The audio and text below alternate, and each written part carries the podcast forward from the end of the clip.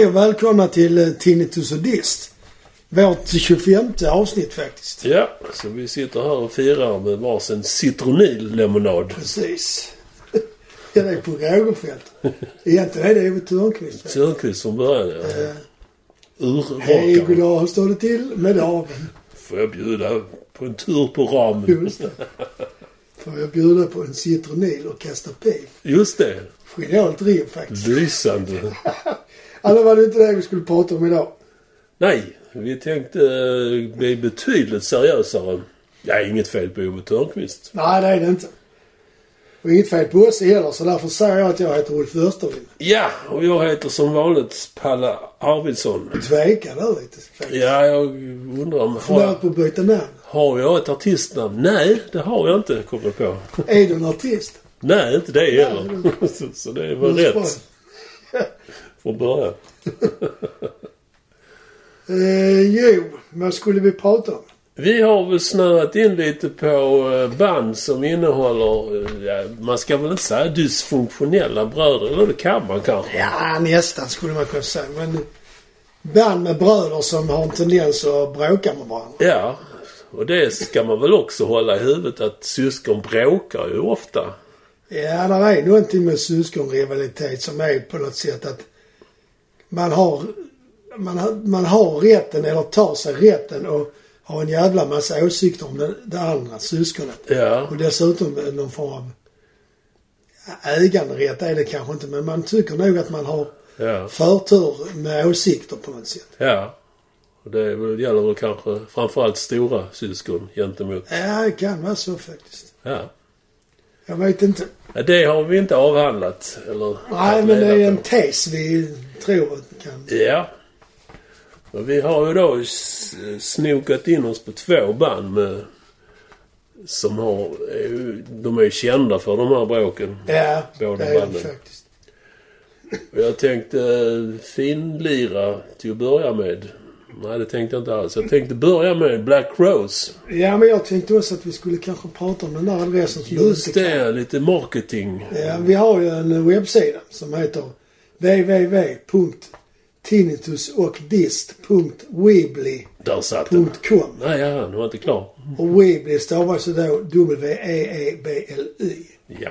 Och sen har vi en Spotify-lista som heter Tinnitus och Dist. Och där finns ett och annat att lyssna på. Där finns mycket, mycket att titta på och mycket att lyssna på. Absolut. Men jag tänkte säga det, det finns ju andra band än de vi pratar om som har bröder. Som slogits. Som har slagits. Ja, ja. Kinks är ju ett, kommer jag att tänka på. Oh ja. Det, då, jag tror inte ens de pratar med varandra än. Nej, och detta är trots alltså att den ena brodern har varit väldigt nära döden. Ja. Gitarristen. Ja. De är inte... Eller så har de blivit bättre på sistone. Jag fick, fick helt plötsligt en bild av en intervju där Jaha. Dave Davis säger att de ändå har... Mänskligheten har en tendens att mildras på ålderdomen. Ja, så precis. det, det kan ju mycket Ja, väl stämma. Faktiskt. Jag känner mig själv väldigt mild. Ja, men du är ju också gammal.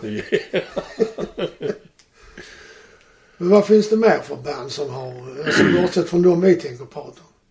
Eh, ja. Ingen aning. Skrivande stund. Ja, Van Halen är ju ett sånt band. Men de, vad jag vet så slogs de inte så mycket. Nej, de var nog... De, alltså, men de bländades av uh, Mr Frontfigur. Sådär. Ja, alltså de hade inte tid. Slut de stod beundra honom. Ja, i vilket fall så tänkte Palle då börja med Black Crows. Fullständigt lysande band tycker jag. Ja, jag älskar dem. Ja. Det är ett sånt härligt band och skit och härligt och... Jävla coolt sväng också. Ja, men från början. eh, 1984 kom de igång. Atlanta, Georgia. Då var det annat ljud i skällan. Ja, så. Ja, de var helt insnöade på sån här eh, som vi kallar för jingle jangle. Birds. Ja. Ja. R.E.M. och sånt. Oj. Jajamän. Det är ju en viss skillnad mot det de gjorde sen. Verkligen, verkligen. Faktiskt. Och, det, och redan i första... Det, dröjde ju i och för sig några år till 1990 när de släppte sin första singel Jealous Again. Skitbra låt. Ja det är det. Och då har de ju, alltså de har ju hittat det soundet som de fortfarande håller sig till. Ja, redan med första singeln. Ja, Ja. Faces, Stones liksom. Ja, Och trots att den släpptes då i den mitt av de här dystra grunge-tiderna, 90-talet, så sålde den 3 miljoner ex, singeln. ändå rätt bra från debutsingeln. Absolut. Och inte minst eh, albumet som följde, Shake Your Moneymaker hette det. Det kickade ju ytterligare bandet upp till skyarna. Och här har vi ju eh, den fantastiska tolkningen av eh, Hard to Handle.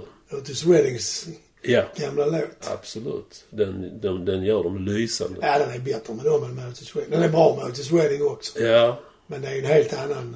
eh, framförallt eh, trummisen, eh, han har hittat ett så oerhört coolt groove. Ja, Så att det, det svänger onödigt mycket. ja precis. Ja, den är faktiskt skitbra. Shake a Moneymaker förresten, det var ju en Fleetwood Mac-låt. På 60-talet. Just det, Som ja. är som hette så. Men jag vet inte vem som har gjort den från början faktiskt. Nej. Jag har inte, har inte så bra koll på tidigare. fall är medvetet att de har valt en, en låt av Fleetwood Mac. Att de är influerade. Eller det är... Det kan man ju tänka sig. När man tänk, när jag tolkar Shake a Moneymaker så tolkar jag det som eh, den delen som är Burlesk. Ja, den är liksom, det är inte den flickorna sitter på, men den är väldigt nära där om man säger Ja, ja. så. Och då är det en form av moneymaker. Har jag tolkat låten så. Ja, Att när de skakar på den så, där är vi helt överens. eh, Men sen kan vi ju ha fel. Det är ju, Det- Vad heter Little Feet? hade väl någonting med Fanny också? alltså, det känner jag inte igen. Shake your fan. Äh, nej, vi lämnar det. Fanny finns det en roman som heter var hon som eh, skrev den, eh, Rädd att flyga, Erika de Jong. Ja, ja. Var en som heter Fanny som handlar om en sjörövare som heter Fanny. ja. Låt oss sväva iväg. Ja, det är ju... Ja, vad jag skulle komma till det var ju eh, om det är medvetet att de har valt titeln Shake Your Moneymaker med den dubbeltydligheten. Det måste ju vara. Det kan man ju tänka sig. Ja. Liksom, de var ju ingenting då ju. Nej, precis. Så då tittar man väl på de stora grabbarna. Ja, och så försöker man hitta något knep som kan göra att man blir intressant. Liksom. Och det är ju en bra titel. Ja, Den säger ju allt i sin enkelhet. du tycker det? Det tycker jag. ja, alltså redan från start så eh, i Black Crow så var det ju liksom syskonbråk all the way. Och eh, man kan nog också utan att överdriva säga att i takt med framgångarna så rullade ju rallarsvingarna tätare för varje år. så är ja, okej. Vi har ju då, de heter Chris och Rich Robinson. Rick, jag sagt. Ja, kanske det. Stavar det precis. Men han är ju rik så han heter kanske... Ja, han har tagit det namnet. Ja, precis. Robinson eftersom han äger en ö. Ja. Chris är ju då sångaren och Rich Ja, är okej. ju gitarristen och lillebror. Ja. Han sjunger faktiskt på någon låt också. Ja, det gör han. Det gör han. Inte helt oävet. Nej, jag tycker han har rätt fin röst. Han sjunger på en, en Velvet Underground-låt som heter... Eh, ja, vad fan. Jag kan inget om Velvet Underground. Någonting med Nothing. Sweet Nothing, tror jag heter. Ja. Den är väldigt fin, en ballad. Den Ja. sjunger bror faktiskt. Ja, om vi ska kika på bröderna så eh, som sagt eh, Chris som är sångare och frontare får man väl säga. Ja, ja, det får man verkligen säga. Han verkar ju ha en spännande personlighet. Han pendlar mellan, ska man säga, sorglös romantiker och rastlös gangster. Pendlar emellan alltså. Till ren dåre. Han, han avslutar ofta sina meningar med ett gapskratt.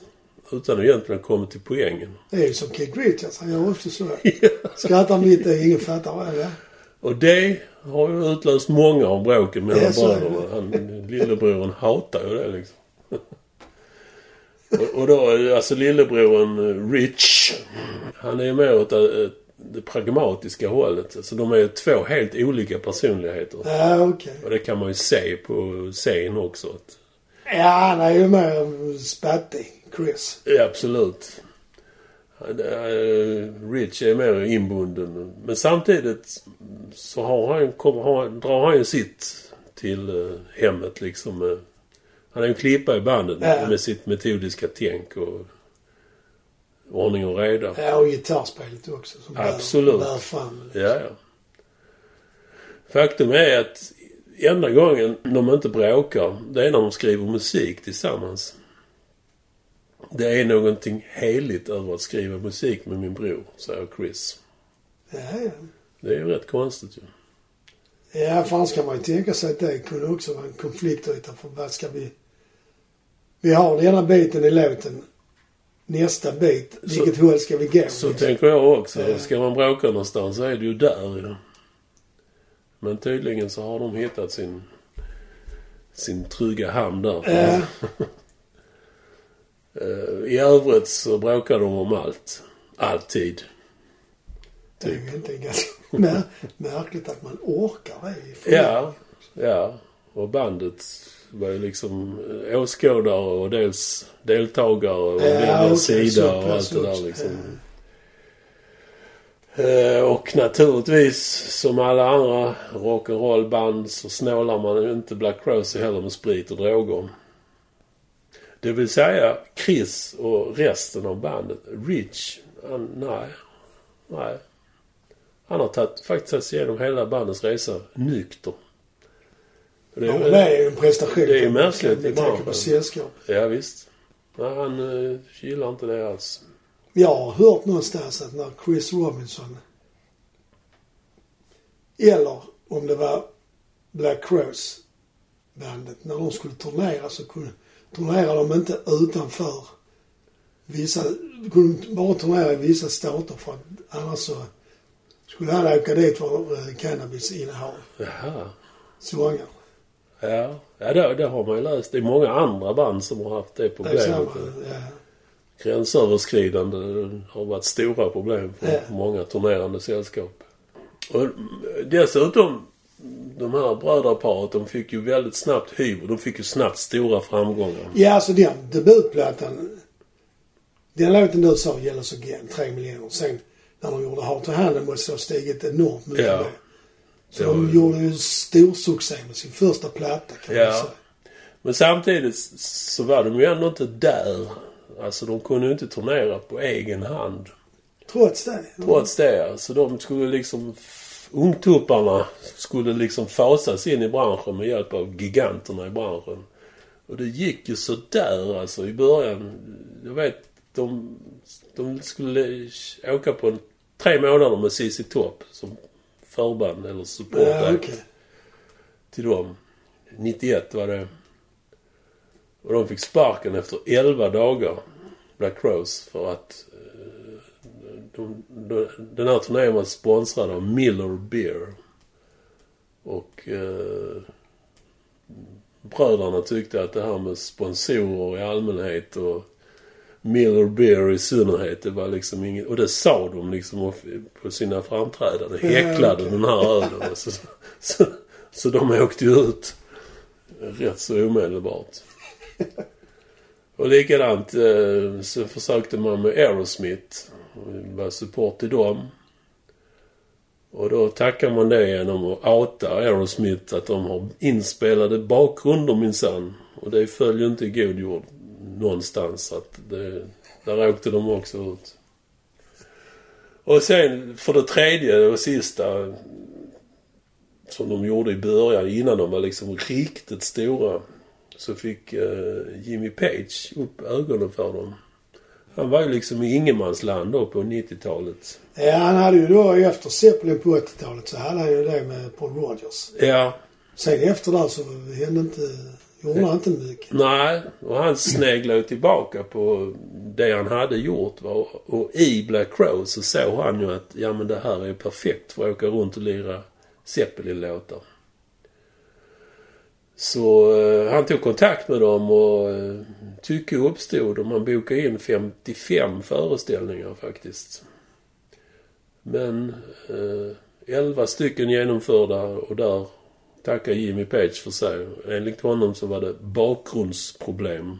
Det, man förmodar att det är de här ständiga bråken. Eh, Jag har faktiskt en CD som är inspelad Live at the Greek heter den. Och då är det Black Ja. Crows och Ja. Jimmy Page. Det känns ju som en Den match in heaven. Ja, Den ja. är bra den. Spelar väldigt så likt så som Zeppelin. Alltså de har plankat. ja, det har ja. Och så är det tre gitarrer i och med att eh, Crows har ju själv två. Och så Ja. Jimmy Page. Så de kan ju spela alla grejer som finns Ja. i stort sett i originalversionerna. ja, just det. Ja. Live. Så det låter väldigt bra. Ja. Måste jag säga. Ja. Men enligt bröderna så var problemet att Jimmy Page blev förnärmad för att de inte ville skriva nya låtar med honom. Ja, okej. Men det kan man ju se som ett bakgrundsproblem. Om man vill. Ja, det, det är det ju. Om man är Jimmy Page. ja. ja, vi har låtar så det räcker, sa de. Och Det är ju lite kaxigt. Ditt gamla skit. Vem hålla på med? Vad sa du att bandet hette? Led? Nej, aldrig hört. Granddad. Ja, precis.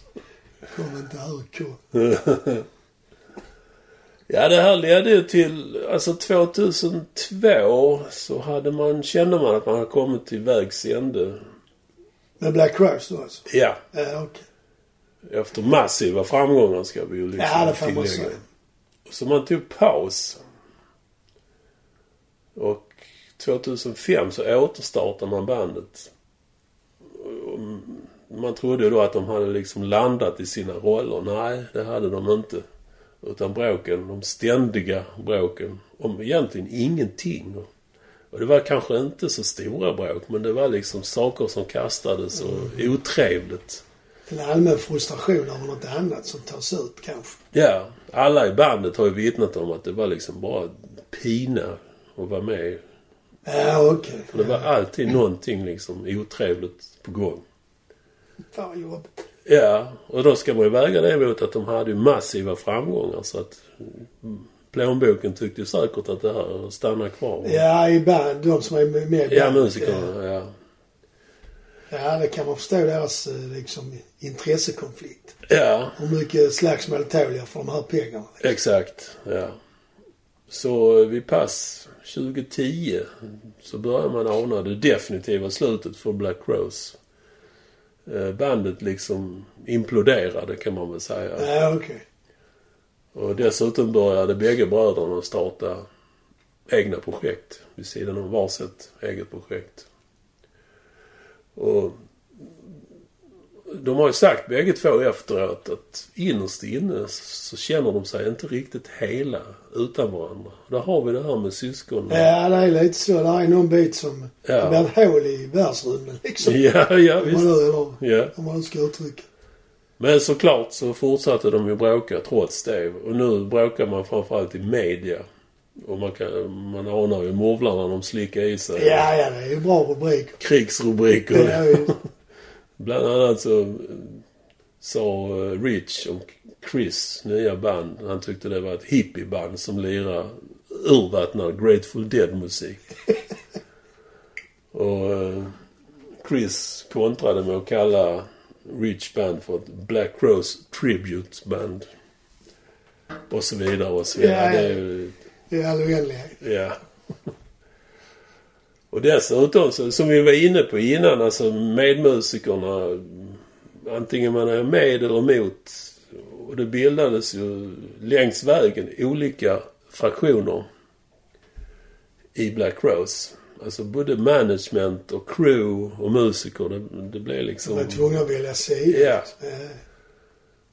Och eh, de hade ju sina intressen såklart. Och de olika eh, gru grupperingarna de insåg ju att för att få fram det man själv vill så är det bäst att hetsa bröderna mot varandra.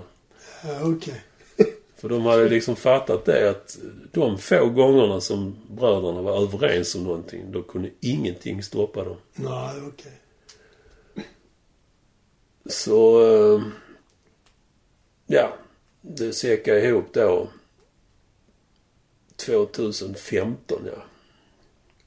30 års bråkande och 40 miljoner album hade man sålt vid det laget. Och då var det definitivt... Ingen trodde ju att det någonsin skulle återförenas. De fick ju naturligtvis dollars till sina erbjudanden. Ja. Men eh, nej, ingen... Det var ju bröderna som bestämde det såklart. Ingenting. Eh, Så gick några år och de hade en gemensam vän, bröderna, som hade uppfattat att de saknar varandra ändå liksom innerst inne. Så 2019 accepterar bröderna ett försiktigt lunchmöte på ett hotell i Los Angeles. Som den här vännen hade då arrangerat. Och för säkerhets skull så tog man sina barn med sig. Dels för att de inte skulle börja slåss och kanske framförallt för att de, barnen, kusinerna, de hade aldrig träffats. Ah, okej. okej. Och det föll väl ut. Trots decennier av att eh, hålla på med att försöka ha ihjäl varandra. Så små steg i taget. Och därefter så har det bara gått uppåt. Och det verkar vara frid och fröjd mellan bröderna nu. Det är ju lite det där kanske att kanterna slipas av efter ett antal år. Ålder, ja visst. Man är inte lika aggressiv kanske. Chris han har sammanfattat det så här liksom. Rockbranschen är otroligt hård. Och det fick mig tidigt att sätta upp en stenhård fasad för att skydda mig själv. Och det kan man ju förstå. Ja. Och dessutom så gick han många år i terapi och, han, och där kom han fram till att han hade ju andra problem. Framförallt med droger ju såklart. Äktenskap, och depressioner och allt det har han dumpat på sin bror. Ja. Kom han fram till i... Och även Rich kom till insikt eh, med det nya bandet han hade då i mellantiden. Att det blev samma problem i det bandet som de hade i Black Crows. Och då förstod han att det beror ju på grund av mig. ja, det är han som är orsaken liksom. Ja. Och där liksom fattade han att jag kan inte hålla på så här. Så, och dessutom att de verkligen är på god fot med varandra nu beror mycket på också att de satte upp helt nya husregler för Black Crows. För att få en fresh start. Framförallt för att undvika att hamna i de här gamla hjulspåren igen. Man gjorde rent hus i hela organisationen. Musikerna, managementet, crewet, allt åkte ut. Utom basisten Sven Pippien. Som har varit med från början faktiskt. I omgångar ska väl sägas. Ja, okej. Han fick vara kvar som fast medel. Bröderna tyckte att, ja, vadå, Black Crows har ju ändå bara handlat om oss. Lite kaxigt. Ja, det var lite sant också. Ja, det är, i och med att det är de som är låtskrivare och Ja. så blir det. Jag menar det är som Stones, Jagger och Richards utan dem så. Nej. Men det är klart nu när Charlie Watts har gått bort då märker man ju, man lyssnar liksom. Ja, ja. Och det Det, nya, det, det låter inte som det har gjort. det har tagits ut en ingrediens i formeln. Ja, precis. Det är fortfarande gott men det är inte samma Nej. smak liksom. Nej. Men det är intressant det du sa där om att de gjorde egna plattor och det var då de kom, eller egna band och det var då de kom på. Ja, ja. Så var det ju med Stones också. Jagger och Richards gjorde solplattor. Just det. Ja. Det var Jagger som började och sen så bara för att göra gjorde ju Richards också. Men, men Ja. eh, när de hade gjort det så kom de ju på att eh, det blev ju inte lika bra och det sålde inte lika mycket som när det var Rolling Stones. Nej. Så trots att de kanske egentligen var rätt sura på varandra där på 80-talet så gick de ändå tillbaks igen. Ja. Och det jag håller med om, det jag har hört av deras projekt, det var urvattnat det också. platta. Eh, Men det var fräckt namn på Rick, vad fan hette de? Expensive Winers. ja, det var Richards.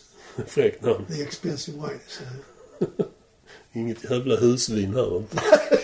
Nej, det ska man flotta. Ja, så, så sammanfattningsvis. De firar i år, 2021, 30-årsjubileum för sitt fantastiska debutalbum som hette... Shake your moneymaker. Just det. Shake your moneymaker. Genom att åka runt och lira hela den plattan live. Plus naturligtvis andra highlights. Det hade varit kul om de kom till Europa. Det hade det. det skulle, jag skulle verkligen vilja se det. Ja, jag också. De har varit på Sweden Rock här för mig, men det är ett tag sedan. Ja, stämmer. Det, de är fortfarande fantastiska live. Och, Ja, det är ett band jag skulle vilja se. Och slutledningsvis så får man väl hopp. Om de lyckas att hålla sams bröderna så kommer de att bli, om inte de är det redan, klassiska. Jag tycker nog man kan säga att de är klassiska i de kretsar som gillar den sortens musik. Ja. Där har de ändå en jävla status. Men de har ju ändå en bit kvar till om man säger Aerosmith och Zeppelin och sånt där. Ja, det har de ju. För de är inte, där är de ju inte. Nej. Sen frågan- vet vi ju inte. Alltså vi sitter här på vår breddgrad. Ja, de har de inte varit stora. jättemycket här Nej, i de Europa. kanske är skitstora i USA. Jag vet. Ja, ja. Men sen kan man också fundera, går det att bli så på den nivån som de banden du nämnde innan nu Nu, för tiden? numera. Ja, det är en bra fråga. När det dessutom är eh, brist på vinyl. Lysande slutledning. Nej, jag tror Nej, det är, det är, jag vet inte om jag har sagt det innan här i podden men på 70-talet och kanske 80 och delvis 90 så var ju musik viktig kulturform. Jag tror inte den är det längre. I den utsträckningen. Nej, i alla fall inte den sortens musik som vi uppskattar. Nej, men man alltså vilken musik? Jag vet inte. Hiphop och sånt kanske är... Jag vet inte. Nej, jag vet inte hur stort det är. Nej. För att man vinner P3 Guld behöver inte betyda att man har sålt, sålt många av dem. Det gör ju ingen idag, Nej. till exempel. Nej. Nej, det det är helt Utan det är andra lyssningar på Spotify i så fall som får avgöra. Men jag känner att eh, konserter och sånt förr i tiden, det var viktiga. Det var happenings liksom. Ja, Men det kanske också har lite att göra med att utbudet var mindre. ja absolut. Det var svårare att hitta en Ja. konsert. Kanske. Jag, spekulerar bara. Ja, nej men det... Det är ju kulturskolornas fel. Yes. Det finns för många musiker. Ja, du tänker så. Så är det ingen som har tid att gå på giggen. Utan alla spelar. Ja, och att det finns jättemånga band. Ja, men om det finns många musiker och många band så finns det ju inte många kvar som är publik. nej, Och då kan ju inte de gå på alla de Nej. band som finns. Det är liksom Ja, men så jag moment, moment 22. Ja, det det.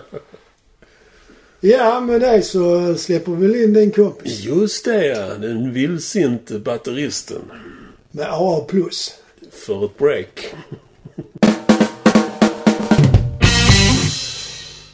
Och där kom han igång riktigt Ja, rejält. jävlar alltså. Han kommer att bli faktiskt... För bättre de och som bättre. är intresserade har vi en målning i blå pastell. Och de som känner till den liknelsen, de är hedervärda. Målning i blå pastill. På en virvel. Jag har en virvel i håret vid öronen. Någon som vill se den ska ni höra av. Uh, nej tack. Ja. Då är det min tur. Då glider vi över till något helt annat, fast ändå samma. Ja, vi ska prata om två bröder som också alltid var ovänner. Och de var nog mer, Jag tror, skulle tro det. större än äh, de i Black Crows. I alla fall var de mer fysiska mot varandra. det. Jag tror det också. Vad man har hört och läst. Ja, och sett, eh, det finns ju lite filmer. Det är alltså Oasis. Mm. Med bröderna Gallagher. Från Manchester. I England. Anglosaxiska vildhjärnor. De är ju, jag tror det är engelska arbetarklassbarn. Jag vill också tro det. I alla fall så är det ju... I alla fall Noel, han, eh, när han blev känd så började han supporta Tony Blair och Labourpartiet. Han är med på Mhm. lite sådana... Och blev faktiskt inbjuden när Tony Blair har vunnit valet. Mm. Och då är det vissa som hävdar att det var då Oasis dog. då var de inte rebeller längre utan de tillhörde de etablissemanget. Ja, där ligger ju mycket i det att eh, politik och musiken, ja, Ja, de kanske inte ska vara kompisar med varandra liksom. nej. Ja, I vilket fall som helst så är ju Oasis tycker jag, de är briljant, fräckt, coolt. Ja, just melodier är deras starka Ja, sida. och sen så just det här att de tar rockklichéerna och gör lite mer av det på något sätt. Något nytt. Det, som du sa med melodierna. Mm. Men i sina bästa stunder så var de ju 90-talets svar på sådana klassiska engelska larger than life rockband. Ja, ja. Absolut. Alltså, de, de de, man trodde ju... eh, Alltså pressen spekulerade att de var nya Beatles då Ja. när de kom. Ja. Och det tänkte jag, ja visst. Absolut. De är ju lite, det är ju Stones och The Who, alltså just den grejen med att de är... De är liksom, de har swagger, de är större Mm. än att bara vara ett skitigt rockband. Ja. De är liksom, Ja. de fångar någon tidsanda som Ja. gör att de blir så stora som de blir. Mitt i prick på den tiden. Och sen är det som du sa att de är nog ganska Beatles-inspirerade. I alla fall deras image. Med Ja. frisyrer och Ja, ja. omslaget på deras första platta. Och även låtarna. Det är ju mycket, alltså det är mer pop än vad det är rock. Ja, en pop med larmande gitarr kan man säga så. Ja. Powerpop. Ja, kanske. Ja, jag vet inte. Fast ändå inte. tycker Ja, det är rock också. Det är svårt att definiera om man ska... Ja, och det, och det, och det definierar deras storhet kan man säga. Kanske, ja. 1996 stod de på toppen. Då spelade de två dagar på Nebworth-festivalen i, i England. Ja. Och då hade de 250 000 Som åskådare. var 250 000 åskådare. Alltså. Det är 125 000 per dag. Det är ju helt obegripligt. Ja, ja. Det är ju, vad är, vad är det, Lund? Hur stort är Lund? Det är något sånt. Alla invånare. Ja. Ja. Så det är som om allihopa de skulle gå på konsert. Ja, det sätter ju perspektiv på det liksom. Det är en helt sjuk siffra faktiskt. Ja, verkligen. Och det var de själv, inga support. Ja, det var ju på deras konserter som de hade det. Och Nebworth är ju en festival så Ja, det är det. det är väl mer än, men det är ju ändå, de har ju stannat kvar för att se dem i alla fall. Ja, Och det är två dagar i, i rad. ja. Från början så var de ju fyra personer och kallade sig för Rain. Rain. De bildades 91. Mm. Men, eh, och då var det Liam Gallagher som sjöng. Mm. Men sen eh, Noel hade varit på någon resa någonstans eller eh, jobbat utomlands eller något. I alla fall hade han varit iväg. Och när han kom hem så kom han med i bandet. Och lyckades övertala de andra om att han skulle ha totalkontroll och skriva alla låtar. Hur gjorde han det? Det vet man inte. Nej, det var... eh, Han slog sig fram. Nej, jag vet inte. Han använde Liam som tillhygge.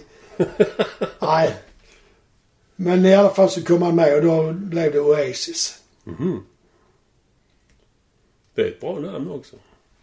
Totalt så gjorde man sju album Mm. och sålt i mer än 70 miljoner Jävlar. ex. Det är mycket. Ja. Och han, Noel, han har skrivit några fantastiska låtar.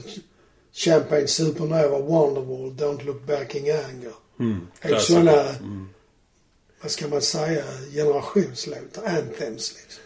De går rakt in och dessutom så som vanliga popsnörelåtar så försvinner de inte. Nej, de har någonting som är Mm. svårgreppat men som sätter sig. Mm, absolut. Fast den coolaste låten tycker jag är uh, Cigarettes and Alcohol. Mm. En, eh, som Noel menar handlar om att fly. Eskapism liksom. Fly från det tråkiga och Ja. förutbestämda livet som en arbetarklasskille i England har utstakat. Mm. Han menar själv att han skrev tre låtar som sa det han ville ha sagt. Sen var resten bara varianter på det temat. Och de, de låtarna var då Live Forever och Rock'n'Roll Star och denna Cigarettes and Alcohol. Ja.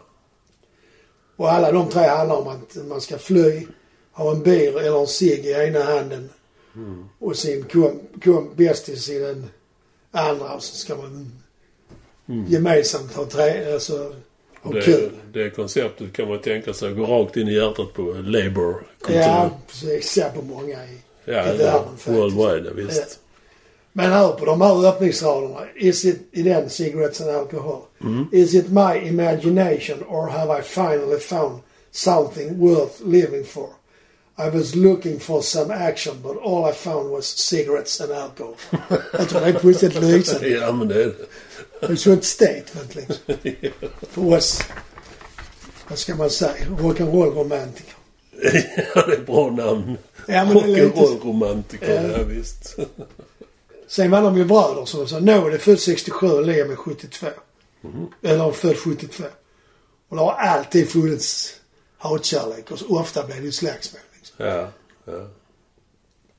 Verbala utbrott och även musikaliskt när, när Noel har fått nog av sin diviga och stödiga och störiga bror.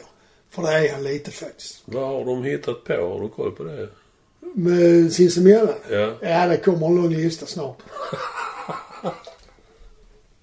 Det finns ju klipp på YouTube. Och där är det några klipp när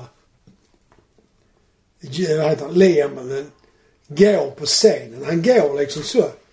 Ut med, upp med bröstet, ut med armarna lite bakåtlutat. Sån swag. Ja, tupp eller swagger liksom. Mm, ja, ja, ja. Han ser Ja, ut att är vara en dryg jävel faktiskt. Bara av det klipp. Men 2009 fick Noel nog. Då lämnade han bandet. Då gick det inte längre. Då hade de slagits och bråkats för länge. Liksom. ja. Jävla waste. Alltså, när, efter dessa framgångar. Ja, det är det ju faktiskt. Hade de kunnat... Men det kan man ju inte med syskon. Har vi förstått nu. Nej, det är kanske så. Du menar man skulle kunna sätta sig ner och Level. försonas. Ja, Liksom, ja. och komma överens att så här gör vi. Men, Ja, ja. eh, ja, jag vet inte. Jag tänkte på det när du pratade om Black Crows. Jag tänkte på det nu också. Att det kan ju vara så att den, rival, den rivalitet är det ju inte. Men den hatkärleken är det som driver det kreativa. Ja, ja. Och det måste till för att det ska bli bra. Men när det blir för mycket så blir det inte bra längre och då spricker det. Och blir de vänner så blir det inte heller Nej, bra. då kanske det blir mjäket istället liksom.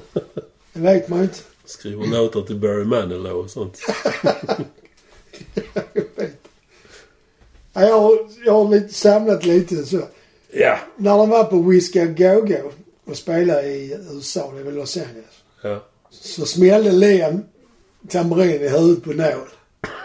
När det inte gick som uh, Liam ville på scenen. För de hade varit ute och festat innan giget och dragit i sig vad de trodde var kokain. Men det var metamfetamin. Oh shit. Så det, det ballade ur på scen. De glömde cues och, Ja, ja. och det blev, spänningarna blev liksom för stora till sist. Och tappade Liam tålamodet och Ja. lappade till tamburinen. Men då blev Noel sur och stack till San Francisco ett par dagar. Så då fick de genomföra vissa gig utan honom. Ja, så funkar det då? Ja, de hade ju två gitarrister så det går väl hjälpligt. Men det, det blev inte samma. Nej. 95 när de spelade in den eh, plattan What's the story Morning Glory.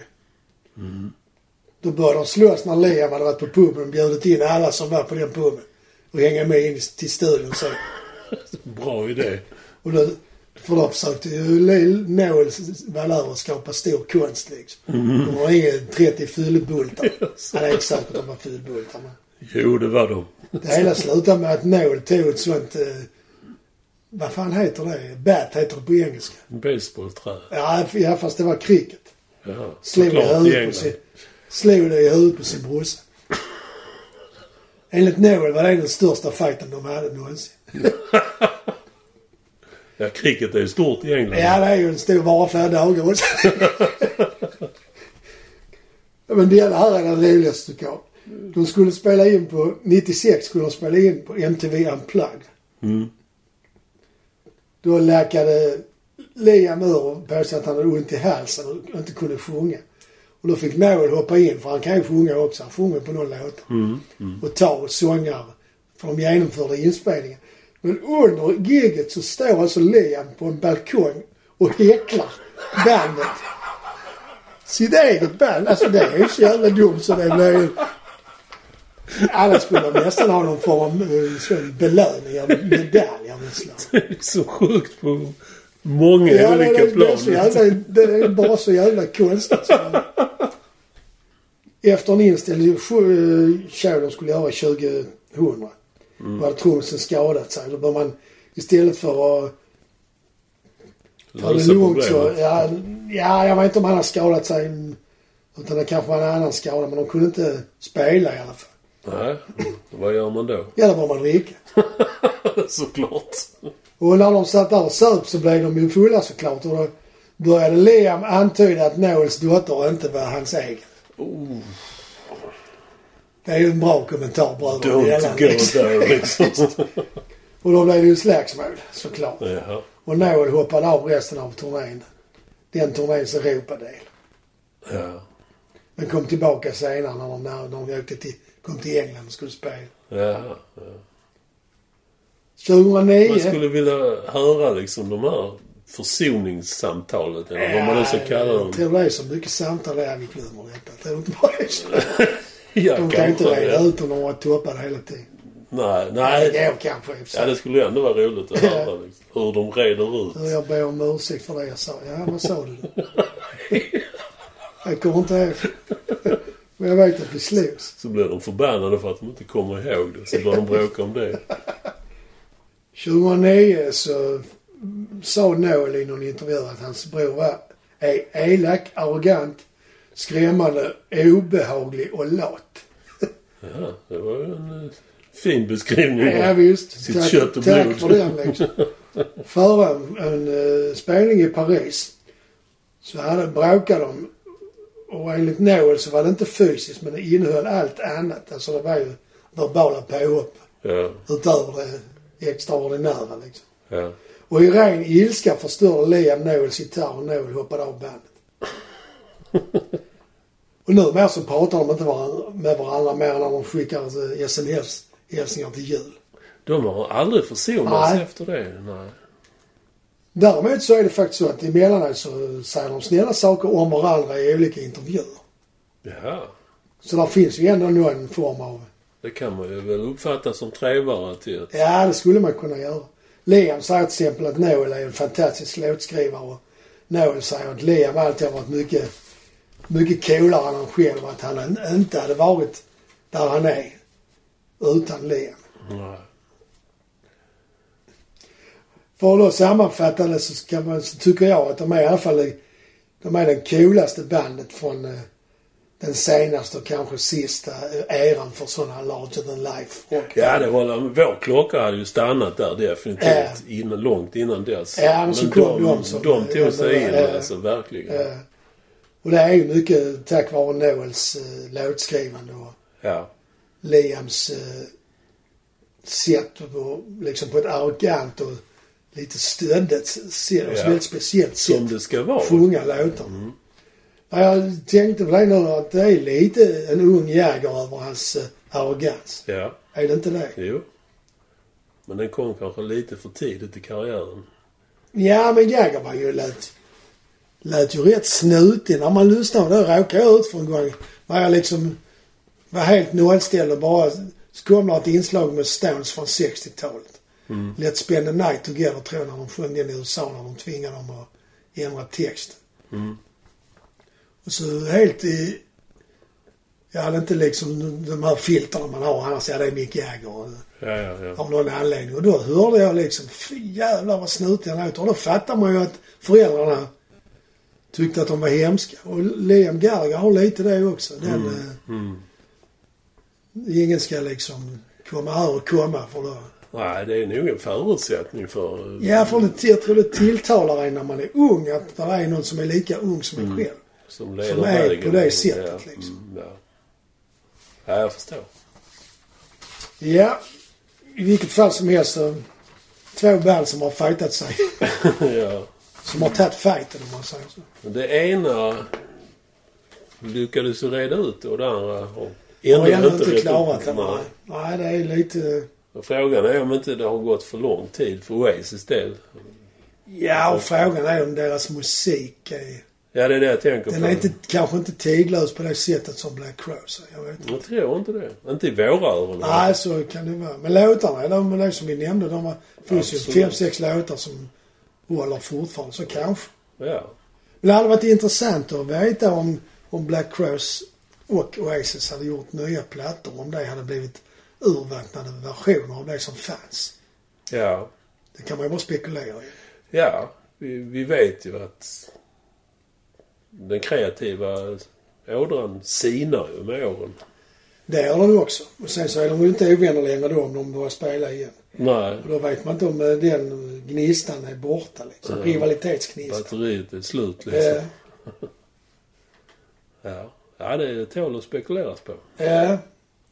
Och med de ljuva orden så kan vi väl spekulera färdigt för idag eller? Det tycker jag nog. Vi säger tack så mycket för idag. Ja, tack ska ni ha. Kika gärna som sagt på Spotify och hemsidor och Ja. allt möjligt. Och som vanligt kommer vi att texta detta programmet. Ja. För, för blinda. Ja. Ha det gott. Hej då. Hej.